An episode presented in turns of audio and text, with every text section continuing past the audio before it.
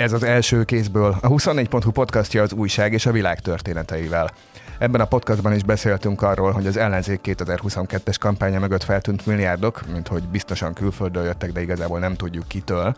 milyen mértékben adnak okot az aggodalomra. De akkor milyen szavakat keresünk arra, ha egy nagyságrendel több pénzből bármilyen kampányidőszakon kívül beborítják az utcáinkat és a képernyőinket, hogy beégessék az újságot ritkábban olvasó honfitársaink agyába, hogy az ellenzék mit gondol, és mit kell gondolni arról. És mindezt egyáltalán nem tudni milyen forrásból. Csak hogy a nagyságrendet érezzük, hogy ez a 2,7 milliárd, amelyet ugye ők valahonnan, valakiktől, vagy valakitől megkaptak, ez a duplája annak, amit a Egyesült Ellenzék állami támogatásként az egész 2022-es parlamenti kampányra kapott és akkor itt visszamennék megint az elejére, csak egy, hogy mondjam, ilyen kontextusként, vagy értelmezésként, hogy ennek a kiszervezett kampánynak, hogy egyrészt az a célja, hogy a, ezt, ezt a negatív, lejárató,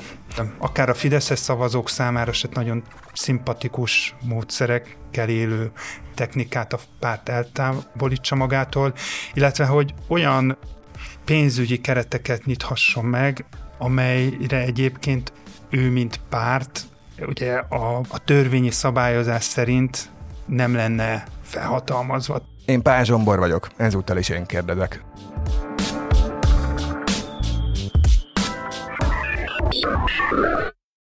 Nagy Gergely Miklóssal, a 24.hu politikai újságírójával vagyunk ketten a stúdióban. Hello! Hello, üdvözlöm a hallgatókat! És emlékeim szerint, amikor legutóbb így történt, akkor az ellenzéki kampány finanszírozásról ejtettünk jelentős szavakat. Most pedig ennek a történetnek egy figyelemre méltó léptékű nem is mondanám tüköroldalának annyira erős nagyságrendi különbségek lesznek, mind abban, ahogy a kormányhoz közeli propaganda és influencer birodalom működik,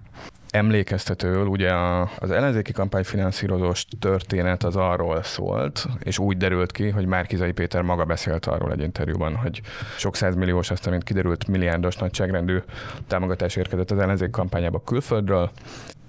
ismerik a szervezet nevét, a szervezetnek magának van egy története arról, hogy amerikai-magyar, nem tudom, Connecticut és Rhode Island között élő manók hordták össze ezt a sok-sok pénzt, ami megérkezett a Mindenki Magyarországa mozgalomhoz, amely egy mozgalom, nem egy párt, és gyakorlatilag transzparens módon ha azt nem is mondanám, hogy büszkén, de hogy egyértelműen beleállt Márkizai Péter volt miniszterelnök jelölt abba, hogy ez a mozgalom, mint pártoktól független, de azonos célokkal operáló szervezet bonyolította az ellenzék kampányának egy figyelemre méltó részét. És ő maga azt a civil összefogás fórumot használta referenciaként, ami egy,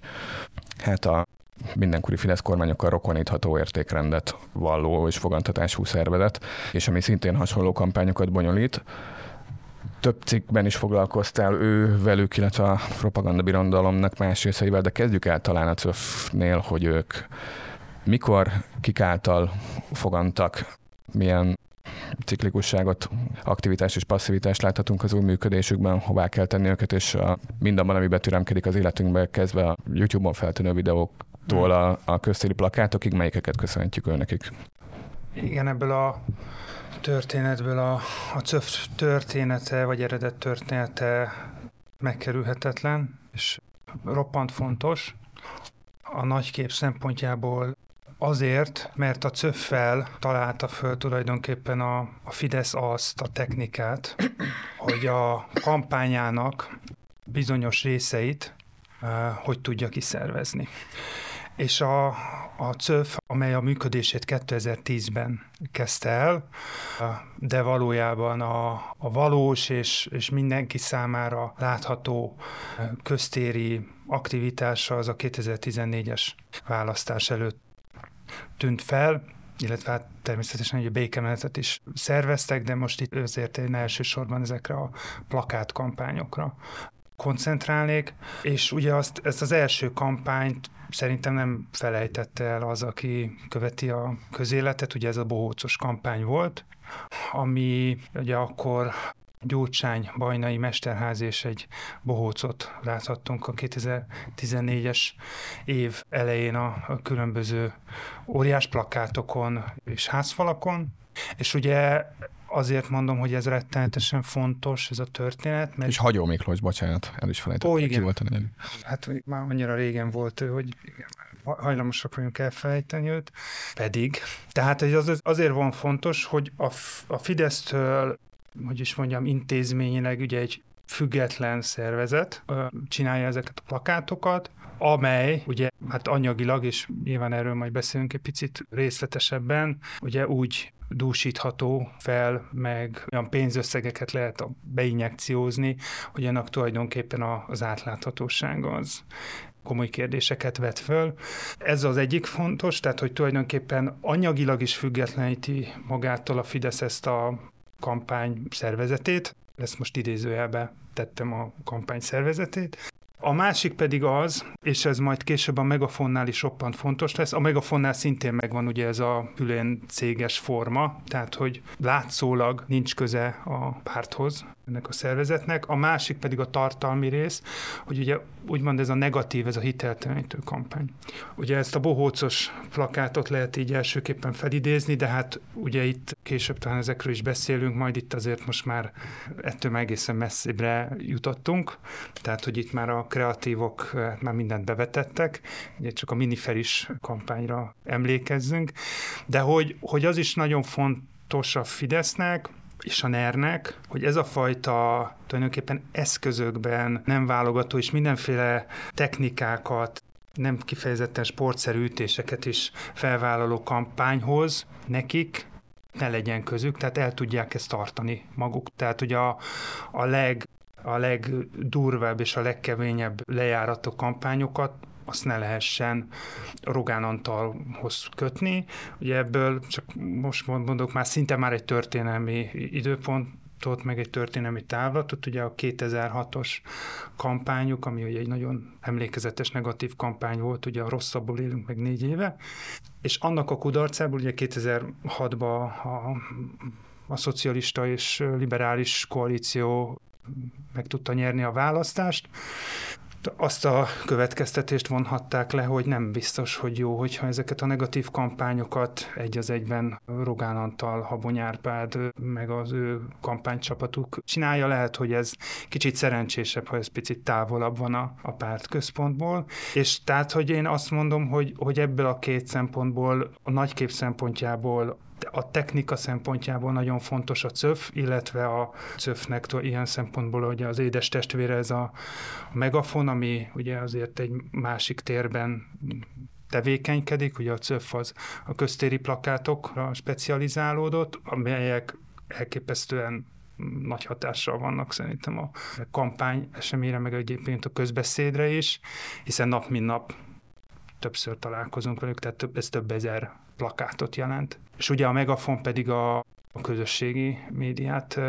lepte el így. Tulajdonképpen de az alaplogika az, azt a CÖF-nél kísérletezte ki a kormánypárt több ponton is reflektálnék. Egyrészt van egy olyan mondás, több politikáról gondolkodó ismerősöm is ért már vele, hogy egy komoly problémája Magyarországnak, hogy a legsikeresebb miniszter az Rogán Antal, aki ugye 2006-ban rontott el utoljára kampányt, amiben szerintem nem csak az volt a tanulságos, hogy volt Fidesz logó azon a feliraton, hogy rosszabbul élünk, mint négy éve, hanem az több ponton is billegett, mert A. nem éltünk rosszabbul, mint négy éve, hiszen az úristen pénzét elszórták száznapos program alatt. Másrészt ugye nem volt benne állítás, hogy igen és ha, akkor mi? Tehát, hogy nem volt befejezve az a mondat, hogy de pedig a Fidesz jobban hm. csinálna, és mindenkinek másfélszer annyi pénze lenne.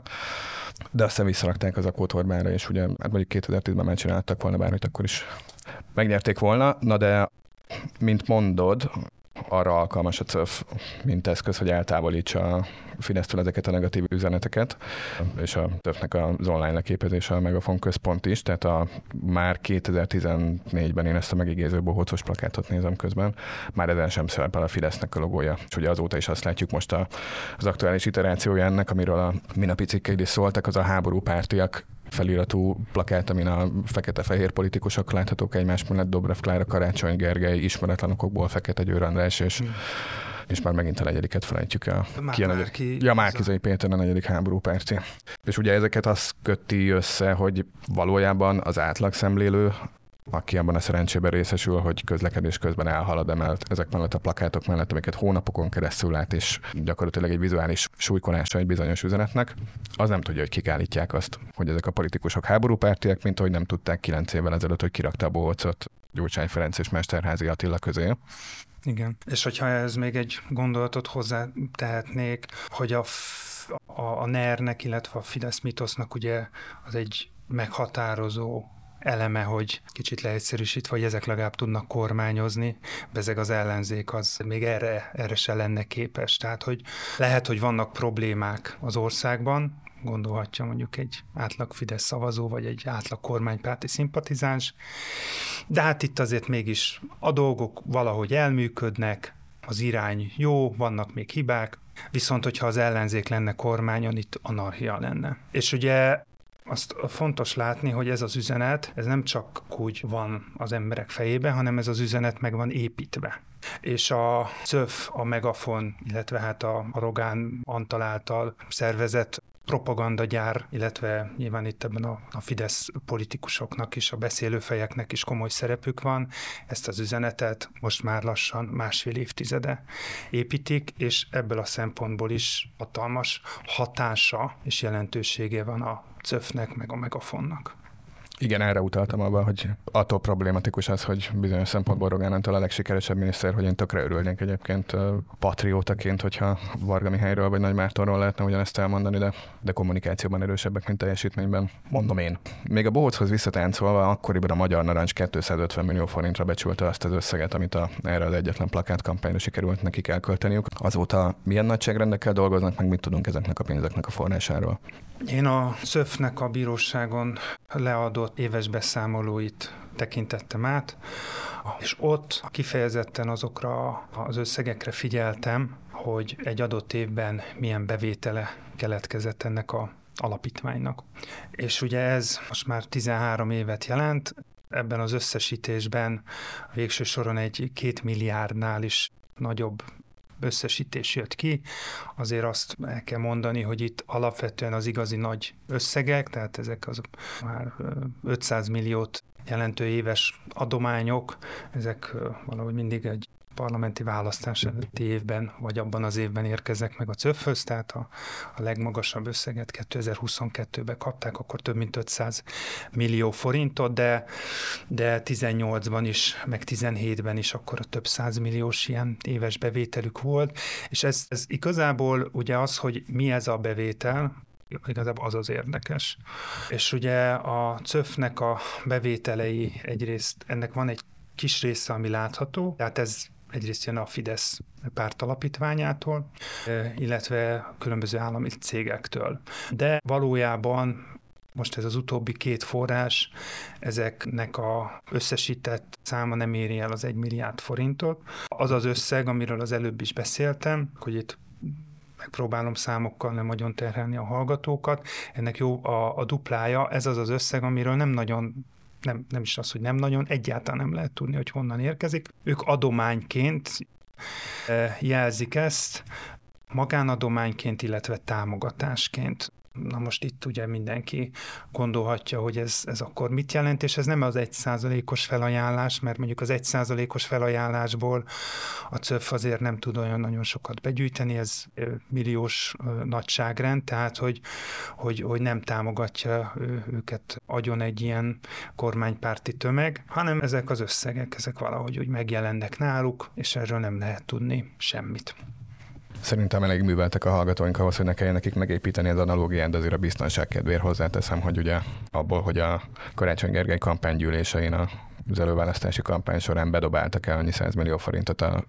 papírdobozokba, amiről azt mondják, hogy a 99 mozgalomnak bedobálták, illetve már Kizai Péter esetében, hogy összeadták el az amerikás magyarok azt a 2-3 milliárd forintot. Ezekből egy gyakorlatilag választások óta zajló titkosszolgálati vizsgálattal dúsított verbális püfölén zajlik miközben az, hogy a cövben egyszerűen csak így megképződik valahogyan a pénz, azt meg nem, nem igen kapirgálja senki. És ez az egyik fele a dolognak, a másik fele az, hogy a lassan megfőzött béka esete, hogy 2023-ban már teljes természetességgel mondjuk azt, hogy állami cégek 100 millió számra pakolják bele a pénzt egy alapítványba, ami aztán a politikai palettának a, ha darabra nézzük az ellenzéki kétharmadáról,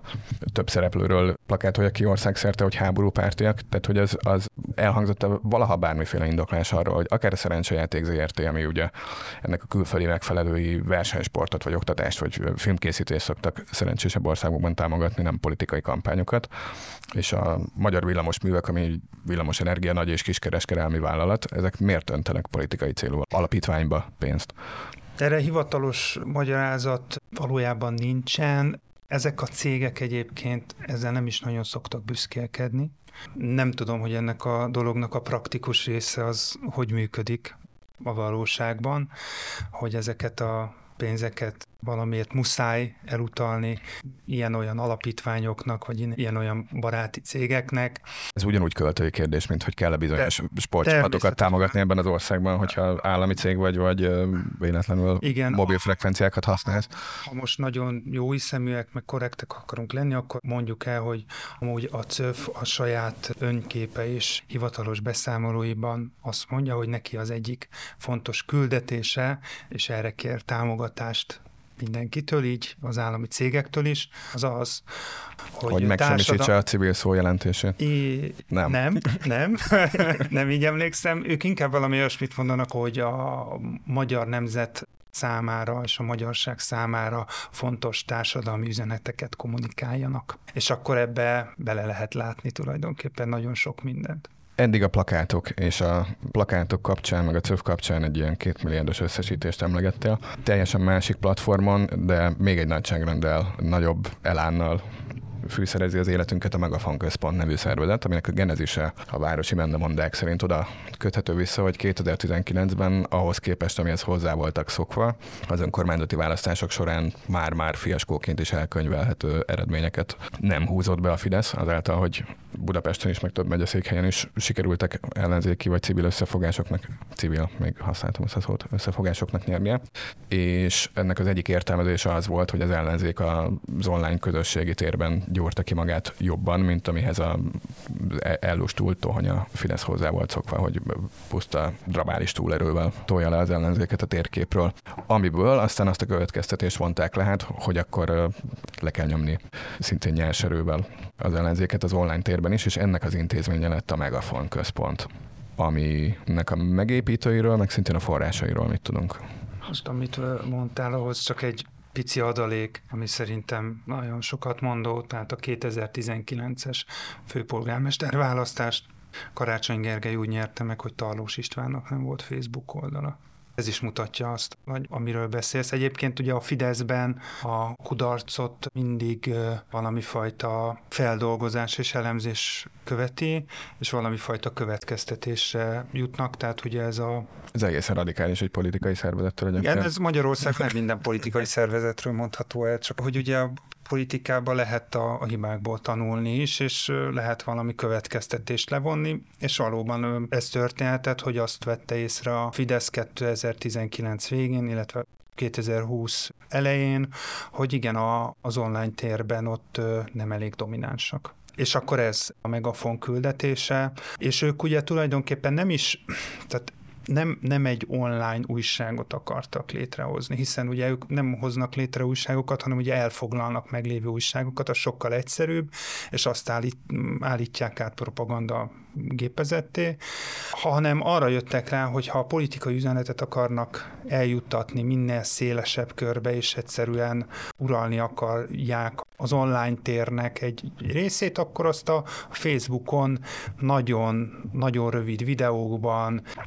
kisfilmekben lehet megtenni, és ehhez tulajdonképpen egy, egy nem, nem is médiára, meg nem is sajtómunkásokra van szükség, párt sajtóra, mert ezeken a tereken egyébként a Fidesz maga szempontjában nagyon jól áll, hanem, hanem valami egészen újra, tehát ez nem, ugye, saját magukat ugye influencereknek becézik, de hát ők valójában pártpropagandisták, és tényleg a hardcore fajtából. Szépen fényelt trollok. Igen, és Hát ez lett a Megafon, amely ugye az első évben, ugye 2020-ban egy néhány százmilliós összeggel vágott bele a a, a nagybetűs életbe, és aztán ugye 2021 és 22-ben már egészen brutális éves támogatások jelentek meg a céges beszámolóikba. Ugye a 2021-es év több mint két milliárdos összeg volt, a tavalyi év az meg egy 2,7 milliárdos összeg, ez egészen nagy szám. Csak most mondok egy példát, és csak hogy a nagyságrendet érezzük, hogy ez a 2,7 milliárd, amelyet ugye ők valahonnan, valakiktől vagy valakitől megkaptak, ez a duplája annak, amit a Egyesült Ellenzék állami támogatásként az egész 2022-es parlamenti kampányra kapott és akkor itt visszamennék megint az elejére, csak egy, hogy mondjam, ilyen kontextusként, vagy értelmezésként, hogy ennek a kiszervezett kampánynak, hogy egyrészt az a célja, hogy a, ezt, ezt a negatív, lejárató,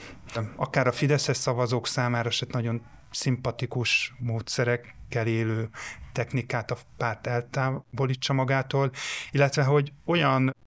pénzügyi kereteket nyithasson meg, amelyre egyébként ő, mint párt, ugye a, a törvényi szabályozás szerint nem lenne felhatalmazva. Tehát ugye a magyarországi párt, illetve kampánytörvények elvileg meghatározzák, hogy egy párt mennyit költhet akár egy adott évben vagy egy választáson. A Fidesz ezt ugye úgy kerüli ki, hogy kampánynak bizonyos részeit kiszervezi, és ennek a forrását is valahogy megszervezik, és tulajdonképpen így egyszerre tud folytatni két, három vagy négy egészen párhuzamos kampányt is. Meg hát teljesen más időkeretek között, hiszen a, amikor azt mondjuk, hogy a háború pártiak plakátok, amiről külön cikkel is szólt szeptemberben, az egy évvel és több hónappal az előző választások után, és nyolc hónapra a következő választásoktól zajlott, tehát hogy ez egy olyan, ez mondjuk mond CÖF és nem meg a fonközpont, de hogy amikor Deák Dániel kiállás sem találja a diák és tanártüntetőket, és aztán ezt szanaszét búztalják a különböző videós felületeken, hogy messze Magyarországon mindenhol lássák, hogy Budapesten sincsen elégedetlenség. Ezt papíron békeidőben csinálják, tehát hogy... Igen, békeidőben háború pártiznak. Valóban ez is egy nagyon fontos funkciója ezeknek a szervezetnek, tehát ugye, a, hogy a két kampány között, és most két országgyűlési kampány között permanens kampányt folytatnak ezek a NER allokációk, meg NER alvállalkozók, amivel tulajdonképpen, tehát az, hogy ez egy több szólamú rendszer a, a Fidesz kampánya, és maga a párt kampányt ugye csak a kampányidőszakban folytathat a törvények szerint, és ugye ők ezt nem törvényi szabályozással vagy módosítással kerülik ki, hanem egyszerűen az, hogy még egyszer elmondom ezt a szót, hogy kiszervezik a kampányokat, és tényleg ilyen propagandisták, meg NER alvállalkozók a két kampány közti időt folyamatosan szétbeszélik, folyamatosan telebombázzák a, a, a YouTube-ot, a Facebookot, tehát minden olyan felületet, ahol tulajdonképpen a közélettel egy picit is foglalkozó állampolgár ott van, és, és valahogy ez itt szembe jön, és még egy gondolat, erről is beszéltünk, hogy ennek a kampánynak, vagy ezeknek a kampányoknak, amit Megafon, illetve a CÖF folytat, nem a pozitív üzenet átadása a cél. Ugye azt főleg a Fidesz végzi hanem az, hogy az ellenzék iránti szimpátiát, hogy az ellenzék által magáról kiállított hitelességet vagy szakértelmet ugye megkérdőjelezzék, és tulajdonképpen egy nagy arányú elbizonytalanítást érjenek el, amivel lehet, hogy csak annyit érnek el, hogy néhány százezer szavazó otthon marad, vagy nem tudom, más pártokra vagy kisebb pártokra szavaz, de ugye az összkép, a nagykép szempontjából, a Fidesz szempontjából, ugye ez is már győzelem. Abszolút, ugye az előző választás előtt is arról beszéltünk, de gyakorlatilag minden, most tekerek vissza a fejemben, hogy tudok ellenpéldát hozni, nem igen. Választás az utóbbi évtizedekben Magyarországon úgy dölt el, hogy van két viszonylag monolit tömb, és van közöttük egy pár százezeres ide-oda csapódó, vagy az utolsó pillanatban döntő megérzésekből dolgozó nem tábor, hanem polgárok sokasága. És amit mondtál arról, hogy azért kell behatolni az online térbe, mert hiába van náluk az összes megyei lap, meg hiába van ennek a Zorigó meg a TV2, ezeknek a hatása az korlátos. Tehát vannak emberek, akik kinyitják a megyei újságot, vannak az emberek, akik abban kínozzák magukat, hogy Origót olvasnak aktívan saját meggyőződésükből, de számosan vannak, akik nem ilyenek, viszont ugyanúgy a Facebookot nyomogatják a villamos megállóban, ahogy te megint tennénk. És akkor érkezik meg hozzájuk Rákai Filip és Trombitás Kristóf üzenete. A nagyságrendről meg még azt akartam elmondani, hogy amikor ilyen két milliárdnál nagyobb éves költségvetéseket emlegetünk, akkor Hát egyrészt, hogy egy nem annyira random példát hozunk, ez nagyobb, mint a 24.hu-nak az éves költségvetése, és itt most arról beszélünk, hogy 8 ember különböző helyszíneken ül, vagy áll, és ott dolgokat mond arról, hogy Karácsony Gergely éppen milyen formában valósította meg az alkalmatlanságot aznap. Mi meg azért ennél többen remélhetőleg értelmesebb dolgokat csinálunk, illetve, hogy Ugye ilyen 2-3 milliárd forintot emlegettünk az ellenzéki kampány kapcsán, de abból több millió forintos összegek kerültek. Most leegyszerűsítően hívhatjuk őket ellenzéki propaganda oldalaknak, vagy ellenzéki pártmédia oldalakhoz, amiről ezt akkor egyébként nem beszéltük végig, de hogy nekem ezek az összegek az elköltetlenség mm. mását keltették, mintha valaki elrakta volna őket 26-ra vagy 30-ra. Mm. Tehát, hogy effektíve nem volt ennyi pénz vagy nem dolgozott ennyi pénz az ellenzéki kampányban egy olyan évben, amikor országgyűlési választások voltak. Most pedig hmm. elméletileg csak 2023 nyarát bonyolítottuk le, és közben mégis ekkora összegek közlekednek a megafonon keresztül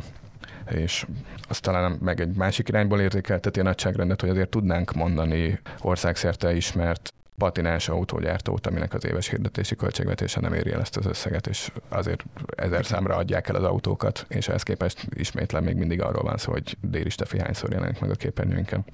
Ha egy valamit még én hozzátehetek ehhez, hogy talán van még egy olyan aspektus, amiről nem beszéltünk, és egyébként szerintem nagyon fontos, hogy miért problémás ez az egész, amiről beszélgettünk. Tehát, hogy itt megjelenik, ugye ebbe a összesítésbe én egy 8 milliárd forintos összeget azonosítottam be, amiről nem tudjuk, hogy honnan kitől érkezett. A sportszerűség kedvéért megjegyzem, hogy én kerestem ezeket a szervezeteket, hogy reagáljanak erre valamit, hiszen ez egy olyan mértékű összeg, amiről azért lehetne beszélni, nem reagáltak. Tehát, hogy ennek a nem is csak a, egyrészt az összegszerűség is nagyon magas, meg hát ezeknek a szervezeteknek azért a hatása is rendkívül nagy. És hogy az szerintem probléma Magyarországon, hogy a magyar nyilvánosságban olyan mértékű tartalomgyártás és befolyásolás történik, láthatatlan pénzekből, amelyeknek egyébként van hatása a parlamenti választásokra, tehát arra, hogy ebben az országban lényegében mi történik a következendő, elkövetkezendő négy évben. És hogy egyébként ezek a szervezetek semmilyen beszámolóval nem tartoznak, ezek a szervezetek lényegében azt mondhatják bárki, amit akarnak, tehát hogyha ha, ha, ha egy politikus, aki azt mondta, hogy ő nem háború párti és vele kiplakátolják a várost, és teleszórják az internetet ilyen szűnyegbombázásként, hogy háborúpárti, az a politikus ez ellen nem, nem tud tenni semmit, és vannak ezek a szervezetek, amelyek egyébként erre lettek feltalálva, hogy, hogy egyébként a sajtótörvényt, meg mindenféle ilyen jogi apróságokat kikerülve bárkiről nagyjából bármit terjeszthessenek bármennyi pénzből, és hogy egyébként ezzel a magyar államnak, értsd úgy is, mint a állami számvevőszéknek, vagy akár a parlamentnek, vagy, vagy, vagy e, bíróságnak nincsen az égvilágon semmiféle problémája, a NAV-nak sincs. Tehát, hogy ez tényleg egy ilyen fekete lyuk lett igazából így feltalálva, ahol lehet mondani bármit, bármennyi pénzből, teljes kontroll nélkül,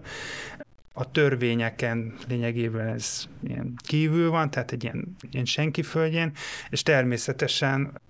kormánypárti cinikusan vonogatja a vállát, ilyenkor, hogyha ez felvetődik, hogy na hát ez mégis hogy lehet, hogy ilyen gáta, korlátok meg szabályozás nélkül valakik tényleg önthetik rá a tartalmat, illetve a propagandát a magyar lakosságra, és hát ez egy nagyon súlyos probléma, azért ezt én kimerem mondani, hogy ennyire átlás és szabályok nélkül mondhat bárki bárkiről bármit lényegében. Hiszen az történik, emlegettük ezt a politikát nem annyira aktívan követő több százados réteget, akik a végeredményben a gyakorlatban el szokták dönteni a magyarországi választásoknak az eredményét. A jó, a legutóbbi az nagyon durván billent, tehát ott sok-sok százezer ember gondolata volt nagyon egyértelmű, de hogy mégiscsak az van, hogy tulajdonképpen számos ellenzéki szereplő fontos kérdésekben meglevő álláspontja, vagy hiányzó álláspontja, az nem tőlük derül ki, hanem helyettük elmondják róluk, hogy mit gondolnak, és releváns módon a cikk az fölemlegeti, hogy a, a beszélőfejeken meg a plakátokon kívül nyilván ez kiegészül a már emlegetett megyei lapokkal, meg Orióval, meg TV2-vel. Ami meg abból a szempontból fontos, hogy ugye most, aki követi a bemondásokat a őszi parlamenti ülésszak elején, ott Kocsis Máté arról beszél, hogy az ilyen a mindenki Magyarország mozgalomhoz hasonló álcivil, meg külföldről finanszírozott lehetőségek elől el szeretnék törvényi erővel zárni az utat nagyon nem aggódom amiatt, hogy meg tudják ezt úgy oldani jogilag, hogy saját maguknak sikerüljön, de másnak ne lehessen, de ugye az volt a védekezés, amit a adás elején is mondogattunk, hogy Márkizai Péter részéről, hát hogyha a Fidesz az tíz éve nyomja a cöffel, tehát nyilván akkor logikusan azt kell csinálni, hogy az ellenzéknek is lesz egy saját cöffje, különben nem lesznek összemérhetők az erőforrások és a, a felületek, és arra azért kíváncsi leszek, hogy pontosan hogyan oldják meg azt, hogy a cöff jellegű dolgok maradhassanak, de az ellenzéknek ne lehessen pártlogó nélküli kampánya. Igen, azt azért hozzátenném, hogy ez a CÖF párhuzam azért sántít. Most ebben nem mennék annyira mélyen bele, mert, mert nem biztos, hogy van értelme, de hogy, hát hogy mondjam, a CÖF azért nem állított jelöltet, és nem állított miniszterelnök jelöltet, csak hogy mondjak egy nagyon egyszerű példát. Tehát ez a CÖF párhuzam több szempontból sem áll meg, de azt azért el kell mondani, hogy ha azt mondjuk, hogy az ellenzéki kampányal probléma van, szabályozatlanság, nem tudom, átláthatatlanság, kételyeket felvető pénzügyi források jelentek meg benne, mondjuk ezt, de akkor ezzel a fekete lyukkal is kellene kezdeni valamit egy jogállamban, azt gondolom. Szép végszó ez, úgyhogy uh, már csak lábjegyzetként teszem hozzá, hogy az egész jelenség egyébként azt eredményezi, hogy a, azáltal, hogy milliárdokat locsolnak többnyire a Facebooknak az anyacégébe, a Megafon központból, meg azáltal, hogy a, a CÖF érdemeit, és mondjuk méltatás nélkül, hogy a hónapokon keresztül nem lehet a miniferis spotok nélkül bekapcsolni a YouTube-ot. Ezért minden jó érzésű magyar szülő, akinek a gyereke valaha videós tartalmat fogyasztott, előfizetett a YouTube Igen. Prémiumra. Pont így voltam ezzel jó magam is. Akiknek meg ugye a hirdetések miatt a YouTube anyacégének, a Google-nek, most már a Alphabetnek meg a hirdetések miatt küldi a kormány a pénzt, tehát hogy így direkt és indirekt módon nagyon jelentős részt vállalnak a Facebook és a Google finanszírozásában, ami említésem méltó egy szuverenitására büszke hazafi kormánytól. Gergő, köszönjük, hogy jöttél. Köszönöm az érdeklődést. És köszönöm nektek is, kedves hallgatók, ez volt az első kézből, amiben arra a részletre nem tértünk ki, teljesen korrektek legyünk, hogy a CÖV tavaszi plakát kampányát a DK-s Vadai Ágnes bepanaszolta Paul Péter főügyésznél, aki ezt a kérdést feljelentésként értékelte és továbbította a NAV bűnügyi főigazgatóságához, ahol idézem, érdemben elbírálják azt, lélegzett visszafolytva várjuk. Szóval ez volt az első kézből, a héten nem csak a Dell podcastunk jelentkezett már benne a MOL Magyarország ügyvezetőjével, de a háromharmadból is megjelent egy soron kívüli kiadás benne a ti kérdéseitekkel. Pénteken érkezik a hét történéseivel a rendes rész is, ez a podcast meg majd legközelebb jövő héten. Ezúttal Nagy Gergely Miklóst és Pál Zsombort hallottátok benne.